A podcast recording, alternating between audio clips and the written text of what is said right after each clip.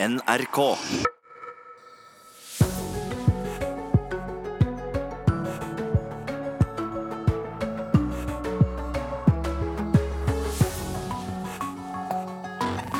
there will be people who will question the wisdom of your decision. Uh, and there may even be some people here who still wonder what, quite what they have done. Ja, denne mannen tar over som britisk statsminister eh, i dag. Kommer Boris Johnson til å få til det Theresa May ikke klarte? Å ta landet ut av EU? Og er han en samlende politiker? Vi har flere gjester som i løpet av sendingen skal gi oss et bilde av hvem Boris Johnson er, og hva han er kapabel til. Mange flere enn før vaksinerer seg mot rabies etter at en norsk kvinne døde av virussykdommen tidligere i år. Redaktøren i reisemagasinet Vagabond kommer. Han skal fortelle hvordan vi blir tryggest mulig på reise. Og Vi skal også til Naxos i Hellas, der det snart er fengslingsmøte for den norske 18-åringen som er siktet for drapsforsøk. Har nesten solgt to millioner is færre i år enn i fjor. Og det, jo, det slår jo godt ut på omsetninga på bunnlinja. Så vi har nok en omsetningssvikt på småis på en 25 millioner kroner hit i år, tenker jeg.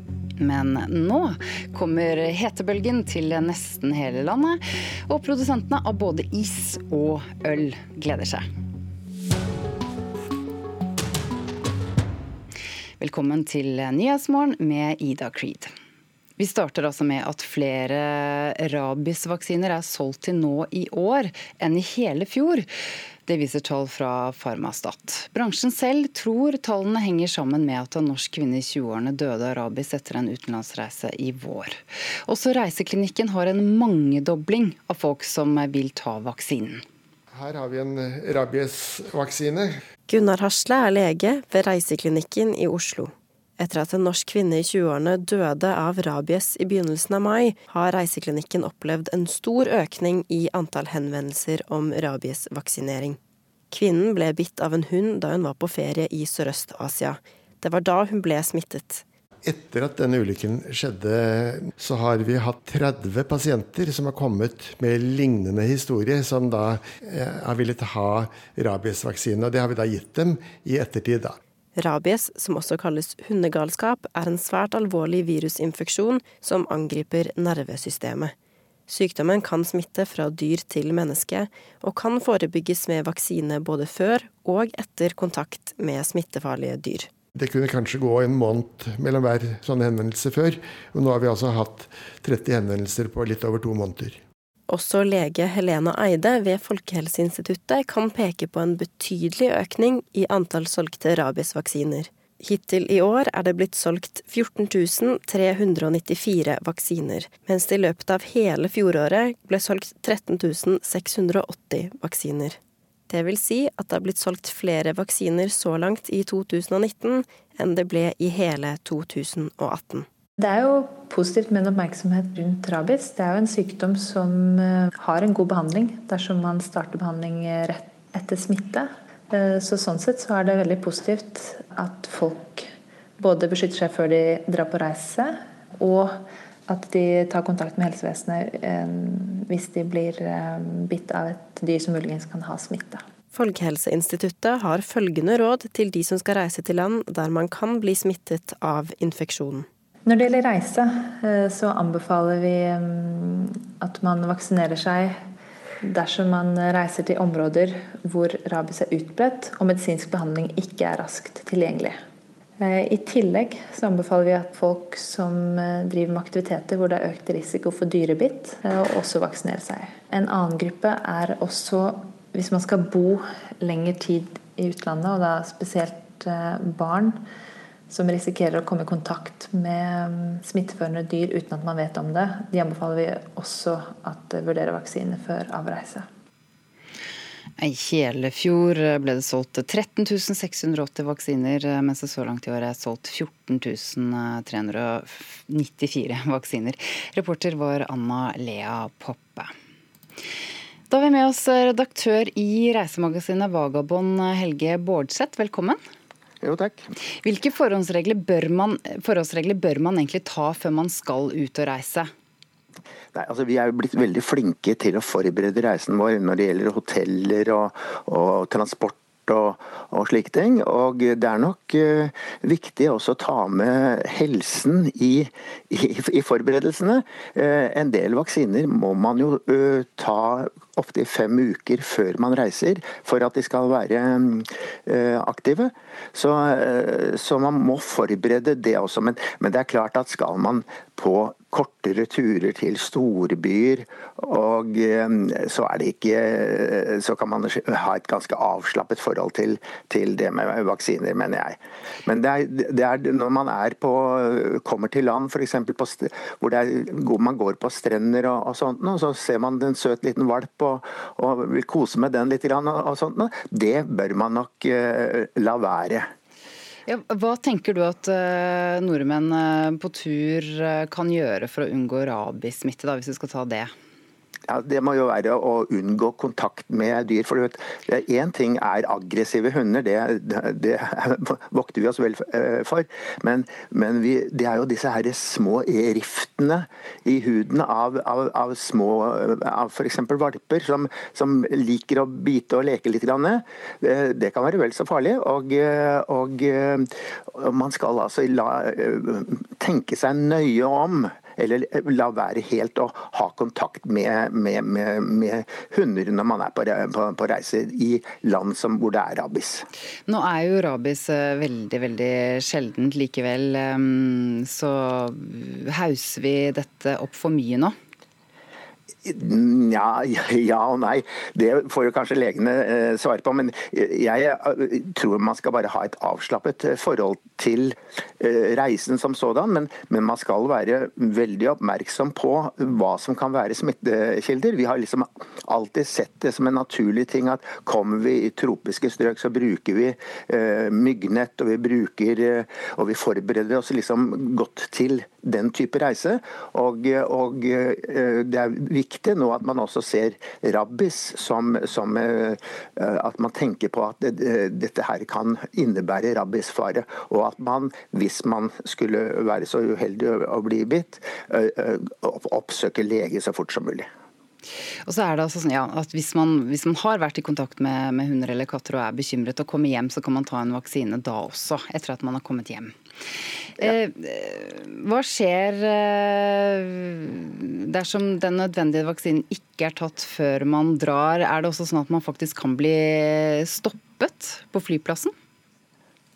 Nei, det, altså det, er jo slik at uh, enkelte afri, afrikanske land så er det uh, det, Dette gjelder ikke rabiessmitte eller rabiesvaksine, men, men, det er uh, enkelte krav, f.eks. gullfeber, gulfebervaksine.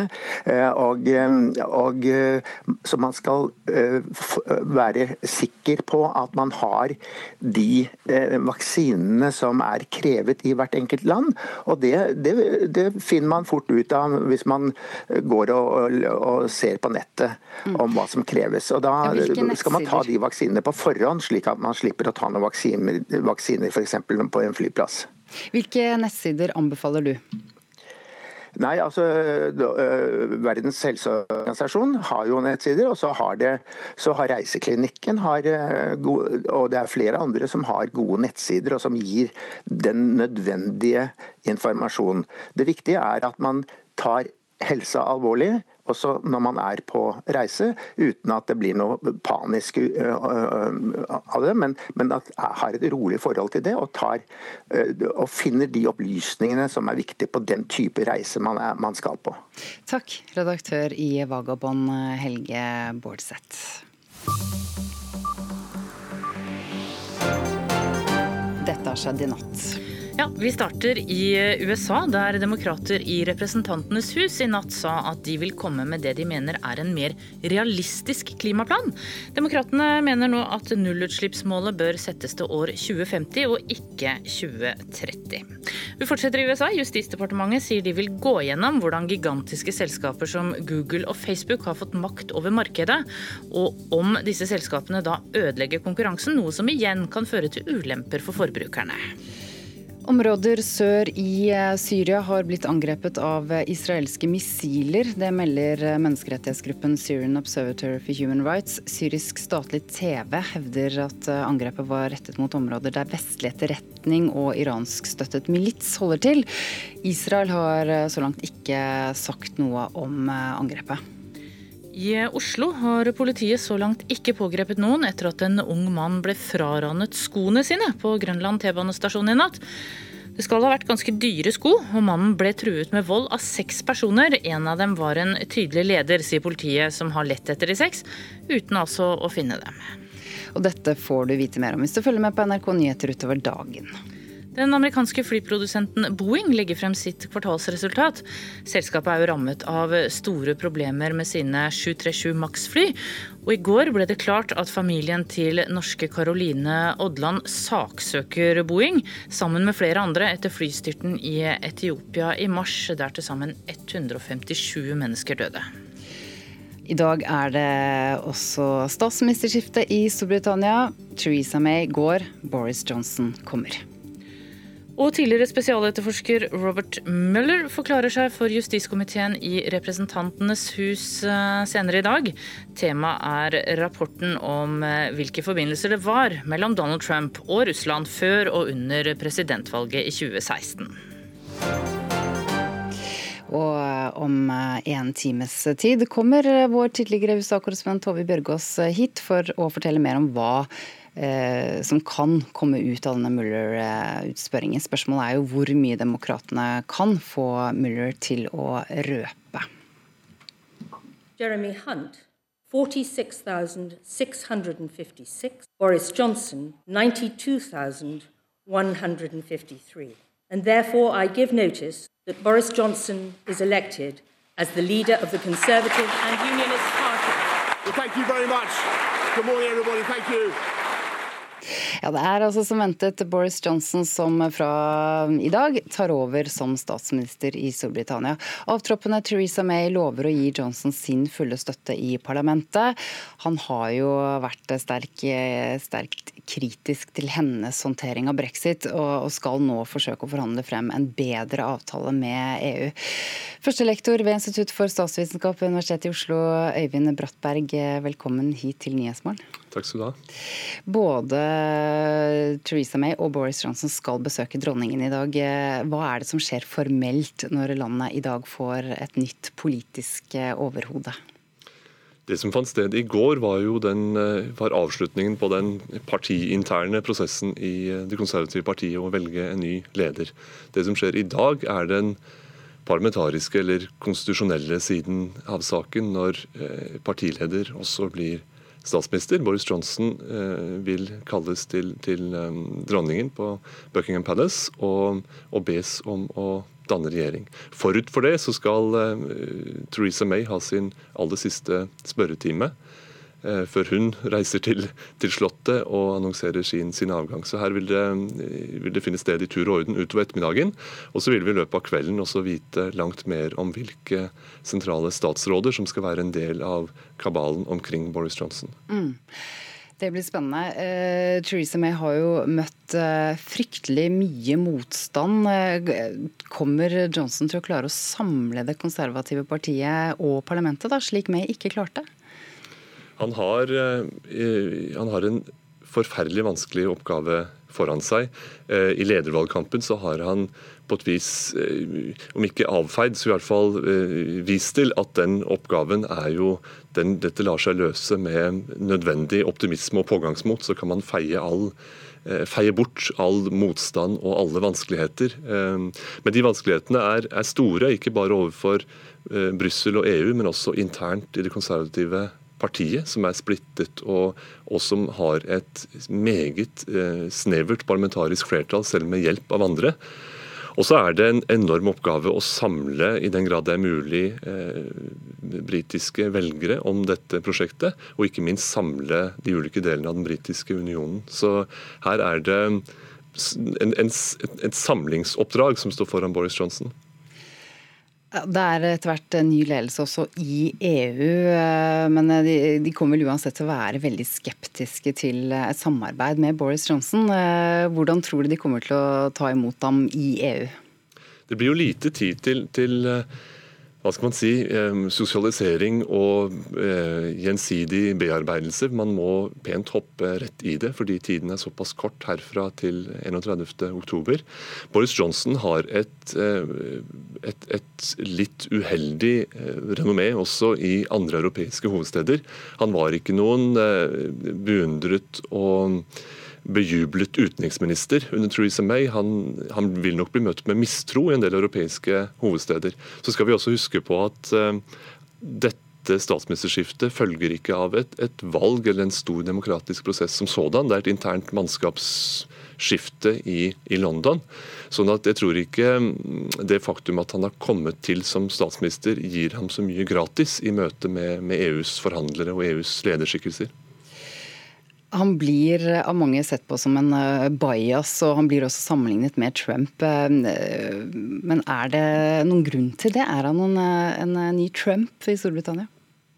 Det er noen likhetstrekk i, i de de ønskene og signalene fra folkedypet som han gir, et, eh, som, som han gir sitt svar til. Altså dette ønsket om å gjenvinne nasjonal kontroll, eh, være ubeskjemmet nasjonal patriot, være eh, politisk ukorrekt, bryte med elitene omkring og sånn, så er det noen, noen likheter også i måten han selv frem, fremstår på. Eh, absolutt. Samtidig er forskjellene også betydelige. Boris Johnson en, en, har en fundamentalt annerledes bakgrunn fra, fra det Donald Trump eh, har. Boris Johnson har en høyere Altså han har betydelig og lang utdanning fra britiske eliteinstitusjoner. Det er noe annet å, å, ligge på en plen i Oxford enn det å etablere et forretningsimperium, som er det eh, Donald Trump har som, som bakgrunn.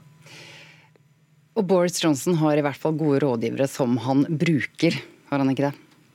Han eh, lyktes med det som borgermester i London. Han var en populær borgermester i, i, i, to valgperioder. og Da ble han kjent nettopp for det at til tross for en litt til tider virrete fremtoning, så hadde han et, et sett med kloke uh, rådgivere som, som hjalp å styre politikken i riktig i, klok og konsistent retning. Og Det vil han naturligvis trenge også her. Eh, statsministergjerningen er en enormt utfordrende. Mange er de som har, har brent seg når de omsider har kommet i den posisjonen. Så Boris Johnson, i den, det arbeidet han nå står foran, kommer til å trenge svært kløktige sentrale statsråder som evner å trekke i, i, samme retning og gjøre dette til et konstruktivt prosjekt.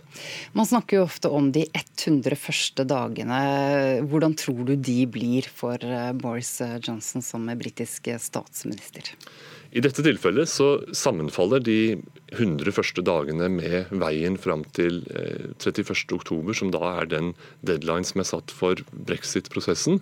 Og Det er egentlig ganske symptomatisk, fordi alt det som Boris Johnson gjør denne første viktige tiden som statsminister, vil sortere under spørsmålet brexit på den ene eller andre måten. Fordi så mye av det som handler om å, å, gi retning til både partiet og nasjonen, handler om å finne en løsning på den dype politiske krisen.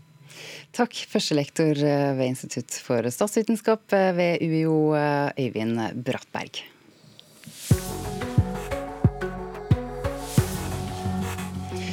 Dette er NRKs Nyhetsmorgen. Vi har disse hovedsakene nå. Mange nordmenn vil ha rabiesvaksine etter at en ung kvinne døde i våres. Theresa May går, og Boris Johnson kommer. Begge skal innom dronningen senere i dag, når Storbritannia altså noen få timer får nytt statsoverhode. Nå kommer hetebølgen til eh, de fleste stedene i eh, landet vårt. Eh, flere steder får temperaturer over 30 grader i helgen.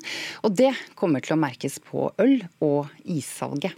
Når det er finere vær, så spiser vi jo is. For da er det godt å få noe kaldt ned munnen. Ja, det er klart det. Været setter jo sitt preg på at man har lyst til å leske seg med noe som kjøler en ned. Så det er jo det er klart. Det betyr litt. På Aker Brygge i Oslo kryr det av sommerglade folk, og svært mange av dem spiser is. Det er lange køer i de mange isbodene, og uteserveringene er stappfulle. Sondre Solbakken og Roger Christoffersen har søkt tilflukt i skyggen, og Sondre koser seg med en softis. Og flere skal det bli. Ja. På Østlandet har finværet allerede meldt sin ankomst, men utover uken vil bortimot hele landet oppleve temperaturer på opp mot 30-tallet. Det er godt nytt for øl- og isprodusentene. En så langt kaldere sommer har nemlig ført til et lunkent issalg. Mer som normalt i forhold til den sommeren vi hadde i fjor. kan jeg si. Det har nok vært litt under normalen. Det har vært ganske kaldt, både, spesielt i mai måned i år var veldig kald.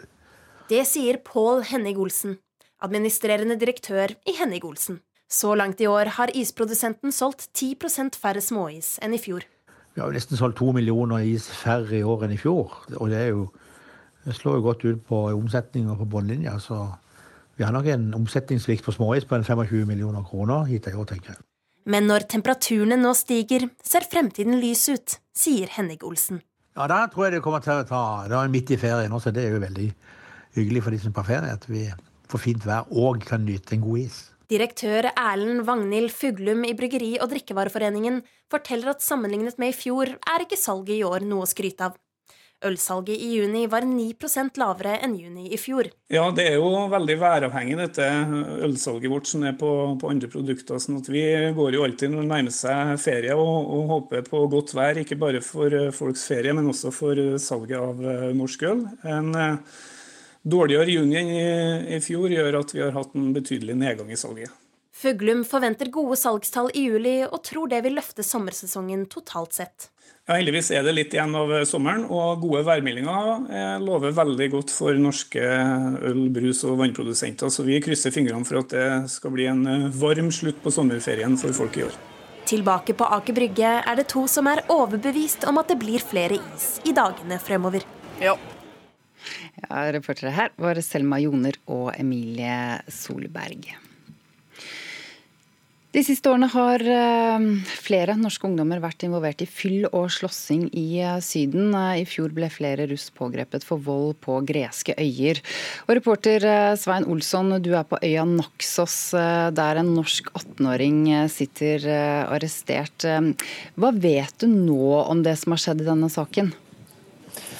Det som er eh, det siste vi har fått vite fra, fra, advokatene, er at eh, de to eh, mennene, unge mennene, de er 18 år, skal ha kjent hverandre en stund og skal ha hatt et konfliktfylt forhold.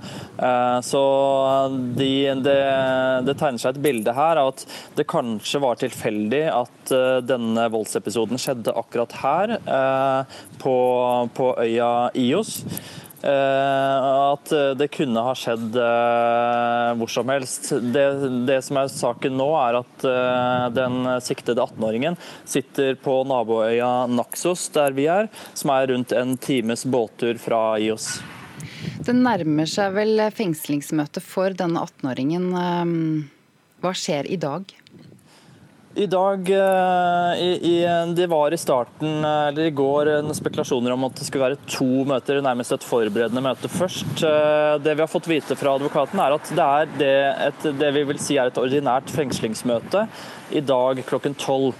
Og den norske advokaten Kim Gertz sier at de der vil argumentere for at den riktige siktelsen bør være grov kroppsskade, som det heter på, på norsk.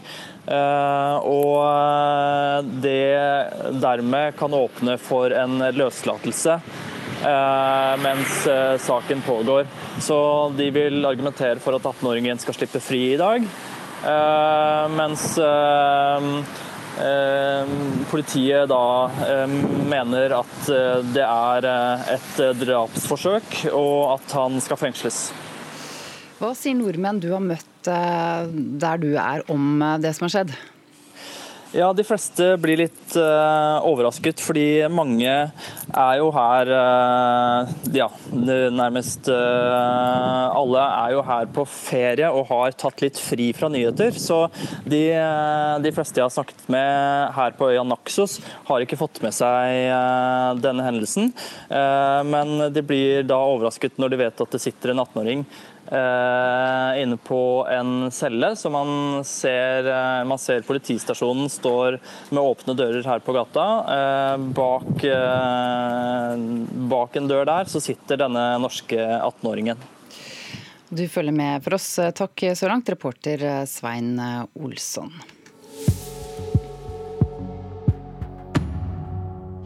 Denne sommeren har en gjeng med miljøbevisst ungdom eh, en litt eh, annerledes eh, sommerjobb. De har nemlig fått betalt for å gjøre en innsats.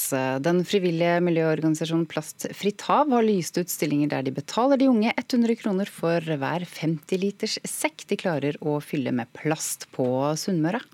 Hvis det blir verre for hver dag, så blir det også verre for dyrelivet. Maren Pernille Vartdal Sjong og Marie Fure Kringstad er to av tolv ungdommer i alderen 15 til 19 som denne sommeren skal samle inn plast i fjøra og havet. For dem er det viktig å kunne gjøre en innsats for miljøet. Det kan ødelegge veldig masse for mange og naturen. Har dere funnet en del allerede? Ja, det var litt sjokkerende. Ja, det var sjokkerende. Det tar ikke lang tid før den første sekken begynner å fylle seg opp. Jeg har funnet mange plastikkbokser, litt tau, en malerkost for en eller annen rar grunn, og et dørhåndtak. Det var litt eh, sjokkerende at det var så masse, og så har jeg bare rydda i fem-ti minutter. Det er viktig å ta engasjementet til de unge på alvor, sier Ina Giske i Plastfritt hav. Det er gledelig at uh, ungdommen er engasjert. og Jeg tenker at det gir håp for framtida, når vi ser at de tar ting på høyeste alvor. Vi bruker å kalle strandrydding for holdningsskapende arbeid i praksis. Når du ser folk som går i fjøra og rydder, så blir du inspirert til å gjøre en jobb sjøl, for du ser at det skal ikke så mye til. Målet for sommeren er klart oss fått utdelt 50 båtsekker, og målet er vel å fylle dem og litt mer. Tror du at dere kan være med på å gjøre en forskjell? Ja. Små handlinger gjør store forskjeller. Reporter her var Silje Bjerknes, og nå er det sånn at Tone Nordahl snart er klar for å gi deg Dagsnytts hovedsending 2030.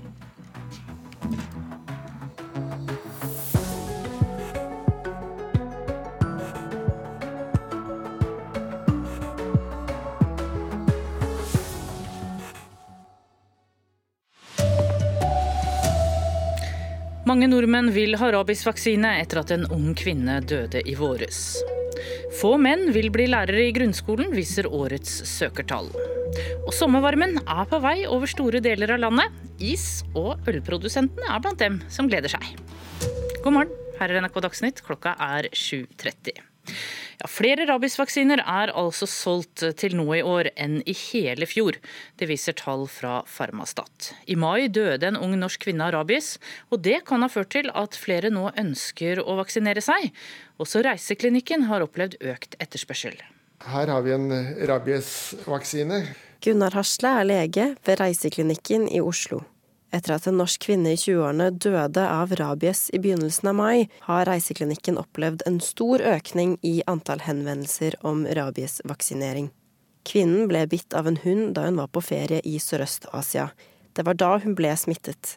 Etter at denne ulykken skjedde, så har vi hatt 30 pasienter som har kommet med lignende historie, som da eh, har villet ha rabiesvaksine. Og det har vi da gitt dem i ettertid. da. Rabies, som også kalles hundegalskap, er en svært alvorlig virusinfeksjon som angriper nervesystemet. Sykdommen kan smitte fra dyr til menneske, og kan forebygges med vaksine både før og etter kontakt med smittefarlige dyr. Det kunne kanskje gå en måned mellom hver sånn henvendelse før, og nå har vi altså hatt 30 henvendelser på litt over to måneder. Også lege Helena Eide ved Folkehelseinstituttet kan peke på en betydelig økning i antall solgte rabiesvaksiner. Hittil i år er det blitt solgt 14 394 vaksiner, mens det i løpet av hele fjoråret ble solgt 13 680 vaksiner. Det vil si at det har blitt solgt flere vaksiner så langt i 2019 enn det ble i hele 2018. Det er jo positivt med en oppmerksomhet rundt rabies. Det er jo en sykdom som eh, har en god behandling dersom man starter behandling rett etter smitte. Eh, så sånn sett så er det veldig positivt at folk både beskytter seg før de drar på reise, og at de tar kontakt med helsevesenet eh, hvis de blir eh, bitt av et dyr som muligens kan ha smitte. Reporter i dette innslaget var Anna Lea Poppe. I Drangedal i Telemark har enda flere nå meldt fra om at de har blitt mobbet opp gjennom årene. Til nå har 49 tidligere elever kontaktet advokat for å fortelle om mobbing de har blitt utsatt for på Drangedal tiårige skole, skriver Telemarksavisa. Sakene er fra en periode på nesten 50 år, og har til felles at de som har blitt mobbet ofte er innflyttere eller på andre måter har skilt seg litt ut. Det sier advokat Vibeke Hein Bæra.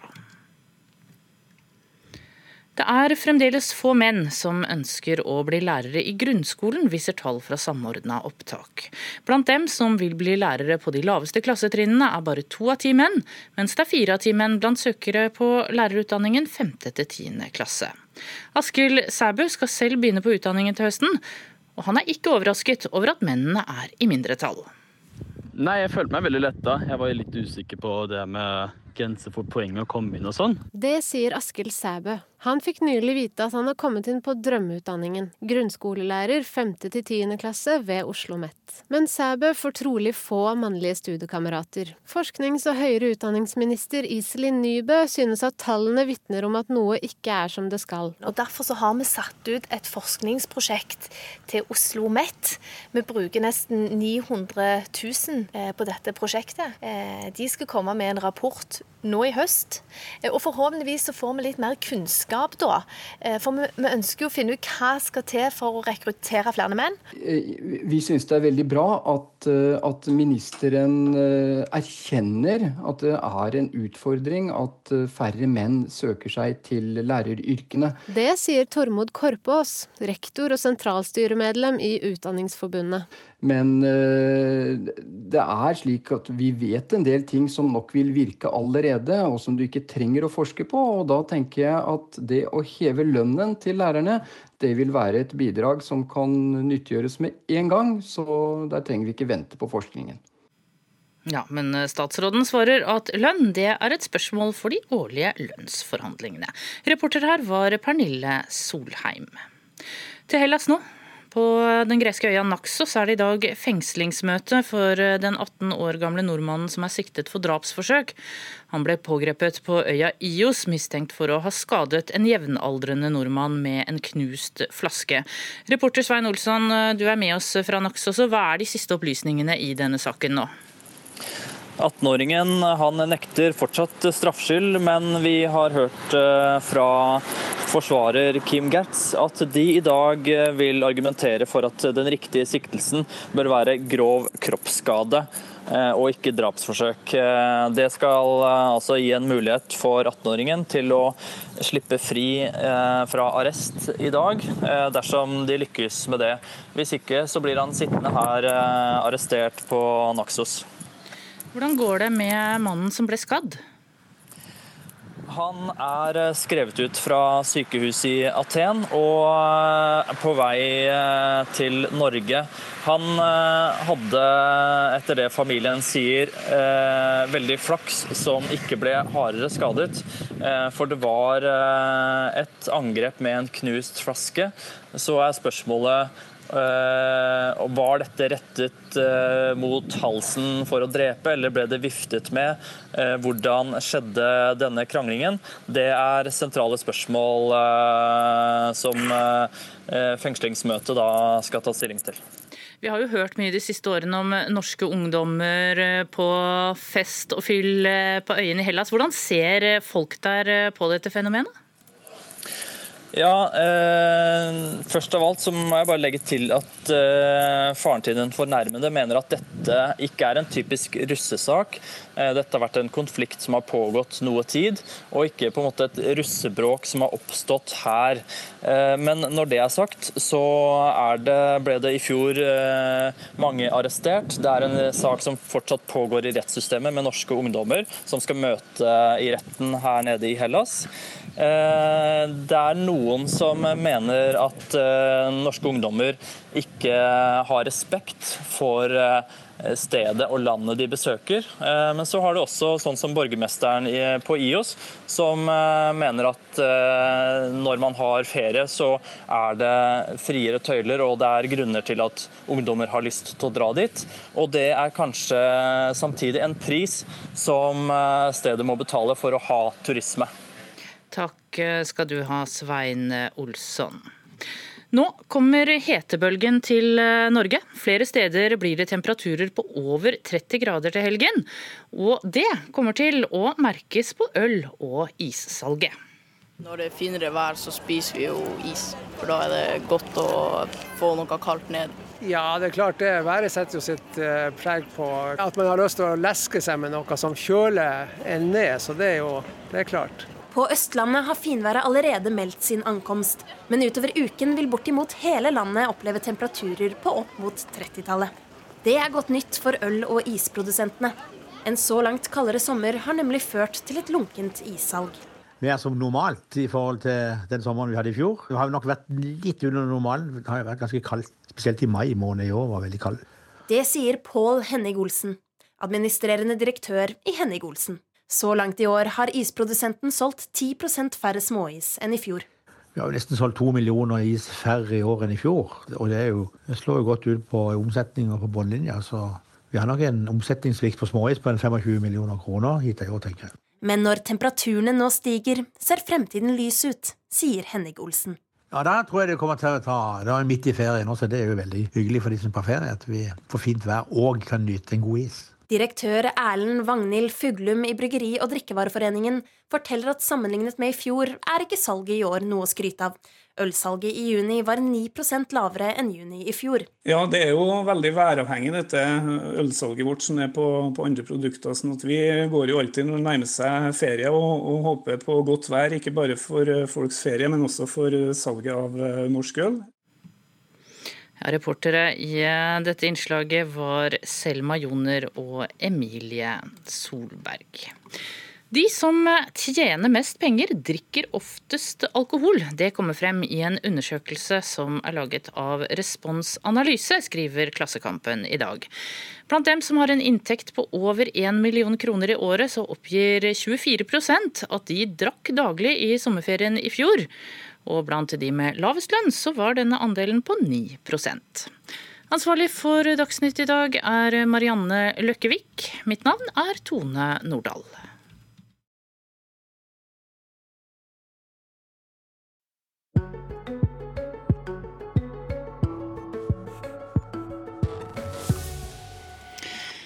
Dette er NRKs eh, Nyhetsmorgen. Eh, det skal handle om de unge nå. For 20% av alle listetopper og ordførerkandidater til høstens kommunevalg er under 40 år. I Øvre Eiker i Buskerud er det en stor mulighet for at de får en ung ordfører eh, etter valget. For der er hele seks av de ni ordførerkandidatene under 35 år. Begge de to største partiene, Høyre og Arbeiderpartiet, har unge toppkandidater. Eh, det finnes noen fordeler ved å være ung. Altså, man har ulempen med at man selvfølgelig ikke har 40 års arbeidserfaring når man ikke har nådd 40 år enda. Eh, men eh, jeg tar med meg evnen til å lytte. Og så har jeg også den fordelen at jeg har fortsatt planer om å bruke alle de kommunale tjenestene. Jeg skal benytte meg av barnehagetilbudet, av skoletilbudet. Jeg har da familie som skal benytte seg av eldreomsorgen. Eh, og det er fordelen min, at jeg rett og slett bryr meg om alle tjenestene, og fortsatt har til gode å bruke de en god stund fremover også. Det sier Niklas Tokerud, som er 29 år og ordførerkandidat for Arbeiderpartiet. Han ble enstemmig valgt av nominasjonsmøtet i fjor høst. Det samme ble toppkandidaten fra Høyre, Adrian Tollefsen, som er 33 år. Han mener alder kan være viktig. Jeg eh, tror eh, sak er viktig, men jeg tror også personen som stiller til valg, eh, har en betydning. Og det er klart, uh, Unge mennesker de identifiserer seg vel i større grad med unge politikere enn de som er eh, litt eldre. Så ja, jeg tror det har en positiv betydning i forhold til å få ungdom til å stemme. Valgforsker Johannes Berg ved Institutt for samfunnsforskning er litt overrasket over at det er så mange unge toppkandidater ved dette valget. Ja, Hvis vi ser på det, tar det store bildet og ser på absolutt alle listene i hele landet, så er det 455 eh, førsteplasser, ca. 20% av alle som står på førsteplassen på en liste, er under 40 år. Det overrasker meg litt. Det har jo lenge vært vanskelig for norske partier å få, få, ungdom og unge politikere til å stille på listene. Men de ser jo ut til å ha lykkes rimelig bra i år. Men Øvre Eiker ligger skyhøyt over resten av landet, der seks av ni partier har en ung toppkandidat. Og det stiller kommunen i en klasse for seg, mener valgforskeren. Det er jo klart over eh, gjennomsnittet og et helt uvanlig, eh, et helt uvanlig eh, tall. Så i den kommunen så har de virkelig lykkes med å med å få frem eh, relativt unge kandidater. Eller man kan si at det er de unge kandidatene som har vært villige til å stille, og som har engasjert seg. Nye fjes i politikken som utfordrer de etablerte, har vært en trend i valget den siste tiden. Trump i USA og den nye presidenten i Ukraina kan være eksempler. Eh, ja, det, det, kan jo være en sammenheng i den forstand at uh, unge politikere representerer i hvert fall noe nytt. Eh, og, og, og det å, å, stemme på unge, nye kandidater eh, er jo et uttrykk for at man i hvert fall ikke tenker at de, de, etablerte er de eneste som kan styre kommunen. Det kan jo være en del av en, av en større trend, men det er jo også et, helt, et sunt element i et demokrati at det, at det, skjer en utskiftning over tid, og at det ikke er de samme personene som sitter med verv i kommunen år etter år.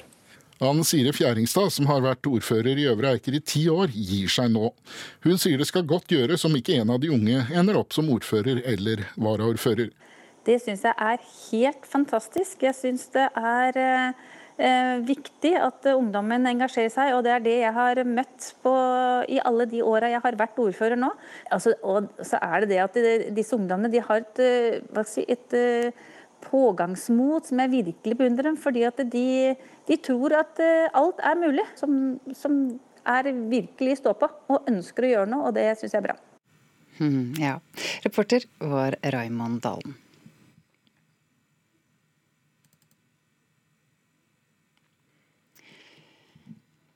Straks eh, blir det politisk eh, sommerkvarter, der du får møte Høyres Harald L. Lønning. Minner om hovedsakene denne morgenen.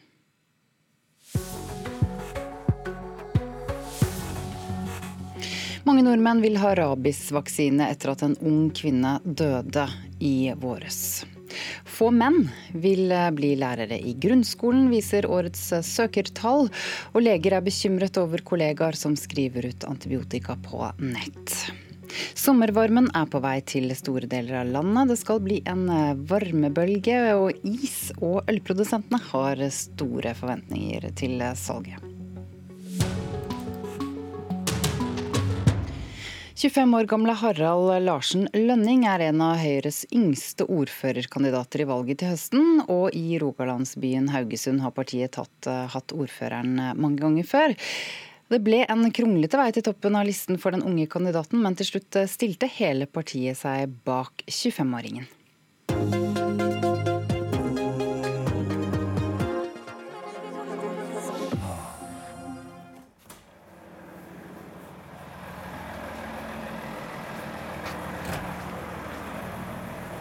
Det er liksom bare rett ut døra, så er du i, midt i gågata her i Haugesund. Ja, det er herlig å bo eh, midt i Haraldsgata. Helt perfekt. Kort vei til jobb og kort vei til alt. Går du hver dag? Jeg gjør det. Har bilen i et parkeringshus som er halvveis fra jobb og hjem, så da er det lettest å gå. Mm. Harald Larsen Lønning er på vei til jobb.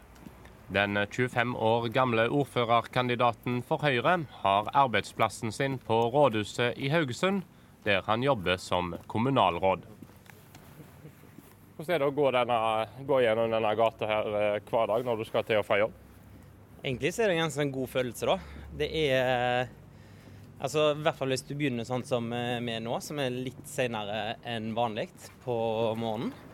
Så får du eh, følelsen av butikkene åpne. Når de drar ut eh, matvarene, gjerne disse fruktbutikkene, og du hører, kjenner lukta fra bakeriet og kommer rundt hjørnet, så får du kanskje både sola i ansiktet og, og røykelukta fra de som står utenfor Jernia og røyker. Og så avslutter du med potetkøen da når du kommer på Rådhusplassen. Så har du perfekte starten på dagen. Ja, det var mye gode inntrykk bare på noen minutter, da. Ja, det er det. Og så er det, det er en stor fascinasjon med den der potetkøen som er, er lang. Og de sier jo det at, eh, at folk har funnet hverandre i den køen der. mm.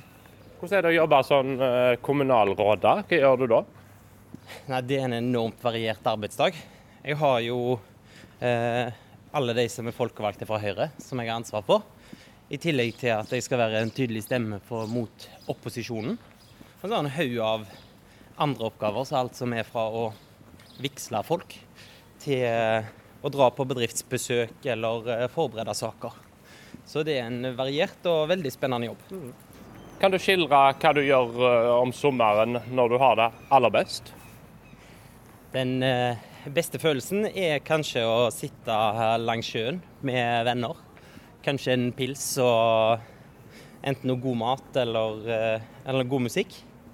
Så er det jo, er deilig med en fisketur eller en båttur. Og kanskje best av alt, hvis jeg virkelig skal slappe av, så er det en tur til Montenegro, som har et, et feriehus.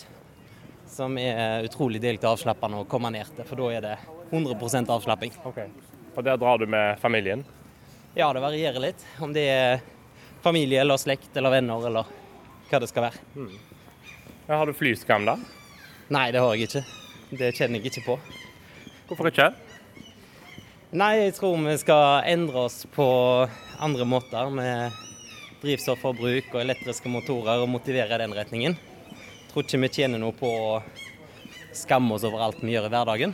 Får vi heller gjøre ting litt bedre for hver dag som går. Men er ikke det å ikke fly en veldig enkel ting å ikke gjøre? Norges land så er det ikke nødvendigvis det. Men, Nei, men til Syden og Montenegro osv.? Det er hakket vanskeligere å kjøre òg, skal jeg si deg. Men uh, faktisk i år så har jeg hatt en liten ferie, og det ble bilferie. Uh, egentlig ubevisst, men uh, for flyskammen sin del så høres det fint ut. Ja, ok. ok, Så null prosent flyskam? Ja, det stemmer nok det. Okay. Mm. Jeg, veldig, altså jeg har hatt en drøm da jeg var liten om å bli pilot, så for min del så er det jo alltid litt stas egentlig å fly. Ok. Hva syns du om begrepet da, flyskam, og de som uh, bruker det, og at det er blitt du, du, hører det jo litt av og til nå? Ja, du gjør jo det. Uh, jeg vet ikke. Jeg føler vi bør løfte hele debatten og se den i et større perspektiv. og se hva skal vi Altså hva er et globalt ansvar, hva er et lokalt ansvar, hva er et nasjonalt ansvar. Mm. Uh, og Det er litt det samme som vi kan, vi kan si at vi skal dusje kortere hver dag. Eller skal vi la være å spise kjøtt en gang i måneden? Mm. Så er det da et spørsmål for uh, både mennesket og hvordan vi har det ellers. Hva er best? Er det å spise kjøtt en gang mindre i måneden og dusje så lenge du vil, eller, eller motsatt? Så det er litt sånne begreper, kanskje. Vi må, må tenke på inn i denne debatten der òg. Ja. Mm. Når vi går nå i Haraldsgata, så er det vel ikke så lenge til vi kommer til eh, det partikontoret deres? Nei, det stemmer. Vi har et eh, valglokale som vi pleier å ha når det er valg, som vi har åpent eh, i en to og en halv måned eller der omkring. Hvordan blir de, hvordan blir de månedene nå fram mot valget for deg? Nei, de blir vel minst like hektiske som de månedene som har vært. Så lange dager med dørbank, stands, eh, bedriftsbesøk og både debatter og intervjuer og hele pakken. Mm. Men det er ufattelig gøy. Det har jo blitt noen valgkamper nå opp igjennom, og det er sånn egen følelse som kommer da når det blir valgkamptid og du setter i gang maskineriet. Ja. Mm. Her, når, dette lokalet her, her er det jo bilde av deg på, på glasset her. Stort bilde. Jeg må si det, det er litt kleint. Eh, det er noe å bli vant med det, og så ha bildet sitt på både valglokale og flyers og alt det der, der. men uh, det er nå en del av greia. Ja. Men det er fint bilde, da? Ja da. Det er et uh, koselig bilde, det, for så vidt. Flink fotograf, så det hjelper. Ja, Du blir vel mer og mer og kjent igjen, og flere og flere vet hvem du er? Ja, det, det er jo alltid litt sånn spennende, da.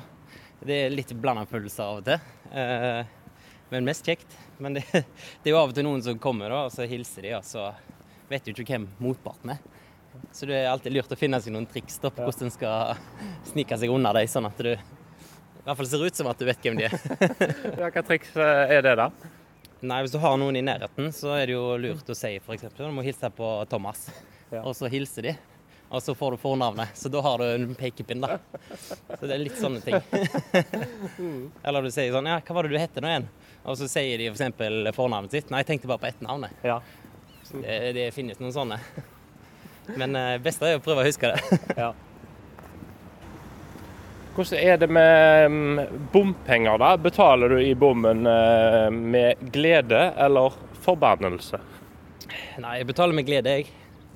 Eh, har lyst på bedre veier, så da må jeg eh, tåle å betale litt. Så det har jeg ingenting imot. I hvert fall ikke på Haugalandet, som har ja, er det 11 kroner. Det må vi klare å stå i. Mm. Hva syns du om de som eh, demonstrerer og, og lager ganske mye oppstyr på, med, tank, med, bakgrunn i bompenger? Nei, altså Jeg har forståelse i noen av byene der det er blitt enormt høye rushtidsavgifter og hele den pakken der. Men eh, hva skal en si? Samtidig da, så er det litt sånn opp mot et lokalvalg der den eneste løsningen er at Stortinget skal gjøre en endring. Det syns jeg er jo noe som er litt kanskje det, det, er litt vanskelig svar, da. For hvis du ønsker både vei eh, og null bompenger, så må du ta det fra skolebudsjettet eller eldreomsorgen eller noe sånt. Og det får ikke jeg til å gå opp, i alle fall. Men eh, vi skal absolutt ta signalene på, på, alvor, uavhengig av hvor de kommer fra, eh, og gjøre noe med det. Og jeg tror ikke vi skal gå inn for høye rushtidsavgifter og, og doble prisene på Haugalandet. Hvor er vi nå? Nei, nå er vi på den flotte rådhusplassen vår rett eh, ned forbi det rosa rådhuset i Haugesund. Som er faktisk kåra til Norges fineste. Og det er vel kanskje et av Norges største òg. Det er en av fordelene med å være en, eh, en rederby. Det er at du har av og til noen hyggelige redere som eh, rett og slett ga det i, i gave til byen. På den tida så var det verdt én million kroner hakket mer i dag. um, har du blitt trua eller hetsa som politiker? Ja, det har jeg gjort noen ganger. Men ikke sånn at jeg har følt på det som at jeg har vært redd for å gå ut døra. Men ubehagelige både telefoner og meldinger, det får en stadig vekk. Telefoner, private telefoner? Ja, mye sinte middelaldrende menn i hovedsak. som eh, Når ikke hersketeknikkene fungerer, så prøver de på andre ting. Men det er vel noe vi må tåle i dagens samfunn, tror jeg. Så gjelder det bare å stå imot det og ikke, ikke la dem vinne den kampen. Men du, ja, du, du, kjenner litt på det når du får sånn f.eks. telefoner? På en måte så motiverer det meg da, mer.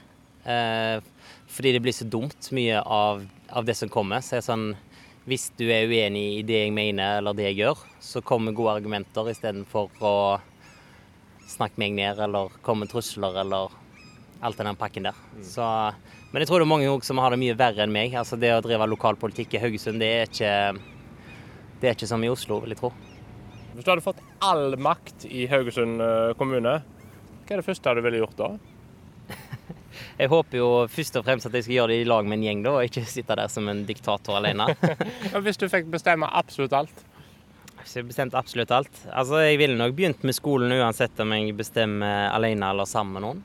Eh, der begynner alt for absolutt alle, både de som eh, er flinke og de som ikke har de beste forutsetningene for å lykkes. Og det å kunne bistå spesielt de som, eh, som har litt utfordringer, da med å lykkes tidlig i skoleløpet med tidlig innsats og en individuell og tilpassa opplæring, det hadde vært helt perfekt. Så er det jo da hvordan skal du gjøre det. Og det, løsningen på det tror jeg er best om å jobbe i lag, både med lærere og byråkrater og politikere og hele gjengen på en gang. Så det, nå skal vi inn i rotunden, som det heter på fint. Okay. Og her er det godt med ekko. Gammelt bygg, så du får ikke gjort så mye. Her må du vise kort for å komme deg inn. Ja, Det er faktisk noe som er helt nytt. Eh, rett og slett pga. enkelte mennesker som oppfører seg på måter som ikke er helt ønskelig. Så det er nå sånn tiden er blitt. Og så har vi òg fått en god del ekstra med turister da, som går og åpner alle dørene de ser. Så